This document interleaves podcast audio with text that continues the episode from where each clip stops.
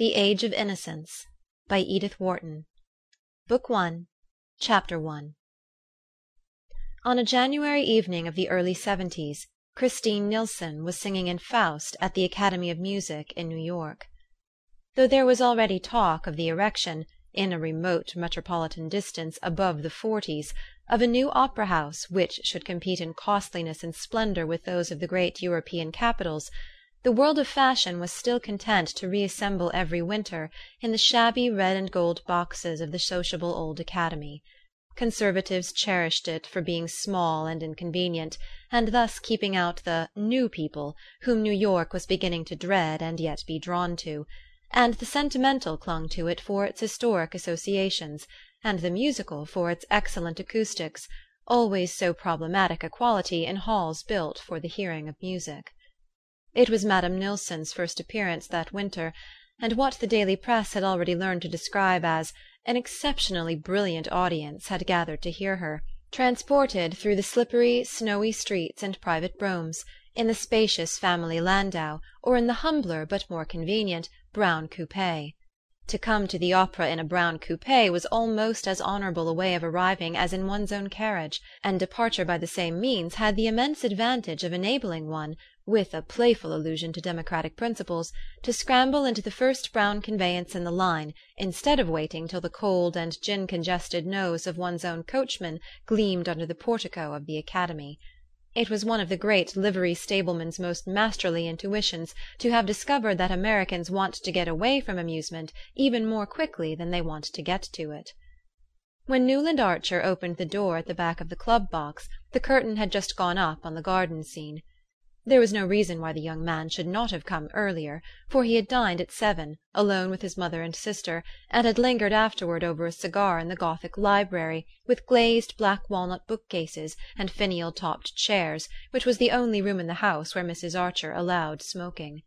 But in the first place, New York was a metropolis, and perfectly aware that in metropolises it was "not the thing" to arrive early at the opera played a part as important in Newland Archer's New York as the inscrutable totem terrors that had ruled the destinies of his forefathers thousands of years ago. The second reason for his delay was a personal one. He had dawdled over his cigar because he was at heart a dilettante, and thinking over a pleasure to come often gave him a subtler satisfaction than its realization. This was especially the case when the pleasure was a delicate one, as his pleasures mostly were and on this occasion the moment he looked forward to was so rare and exquisite in quality that well, if he had timed his arrival in accord with the prima donna's stage manager he could not have entered the Academy at a more significant moment than just as she was singing "He loves me, he loves me not, he loves me," and sprinkling the falling daisy petals with notes as clear as dew. She sang, of course, "M'ama," and not "He loves me." Since an unalterable and unquestioned law of the musical world required that the German text of French operas sung by Swedish artists should be translated into Italian for the clearer understanding of English speaking audiences.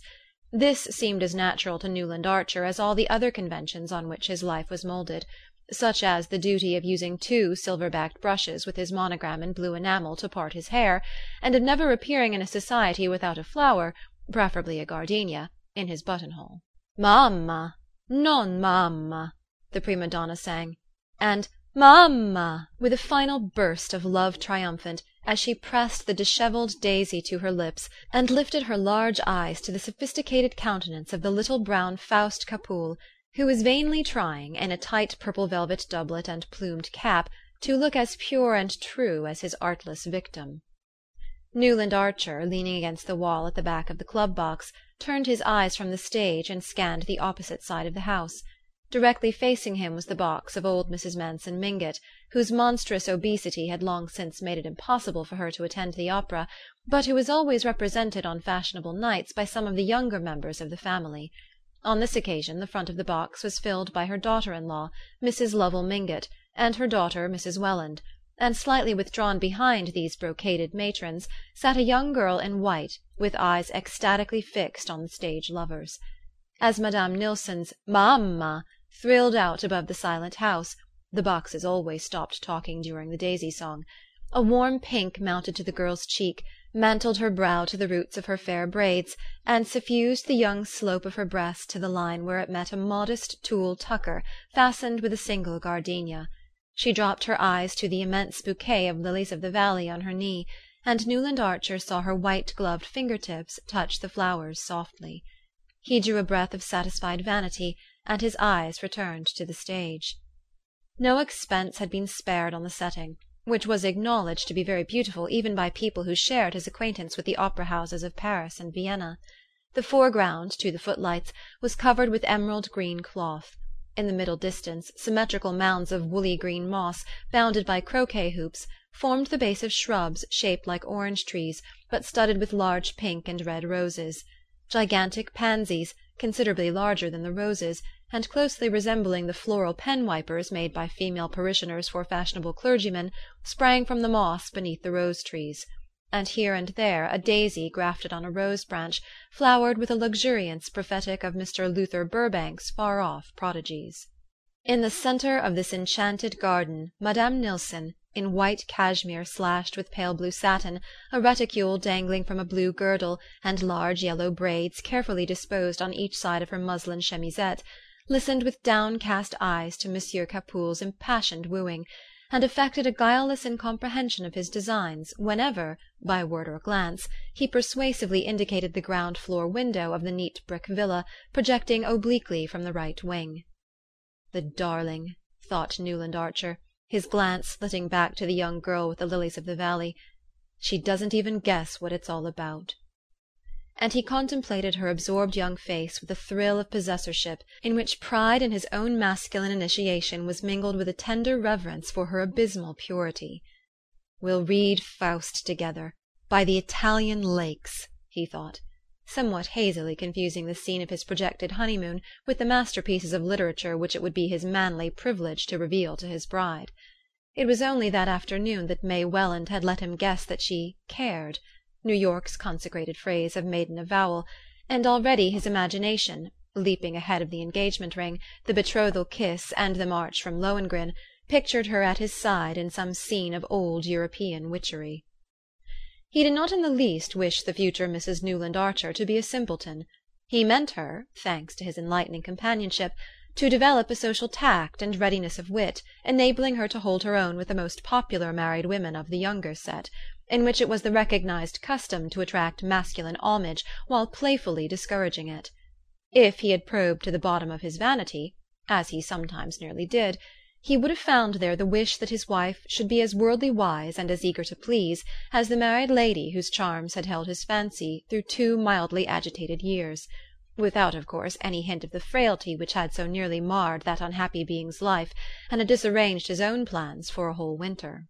How this miracle of fire and ice was to be created, and to sustain itself in a harsh world, he had never taken the time to think out; but he was content to hold his view without analyzing it, since he knew it was that of all the carefully brushed white waistcoated buttonhole flowered gentlemen who succeeded each other in the club box, exchanging friendly greetings with him, and turned their opera glasses critically on the circle of ladies who were the product of the system. In matters intellectual and artistic. Newland Archer felt himself distinctly the superior of these chosen specimens of old New York gentility: he had probably read more, thought more, and even seen a good deal more of the world, than any other man of the number.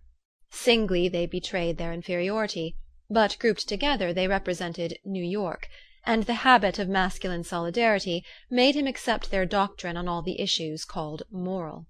He instinctively felt that in this respect it would be troublesome, and also rather bad form to strike out for himself.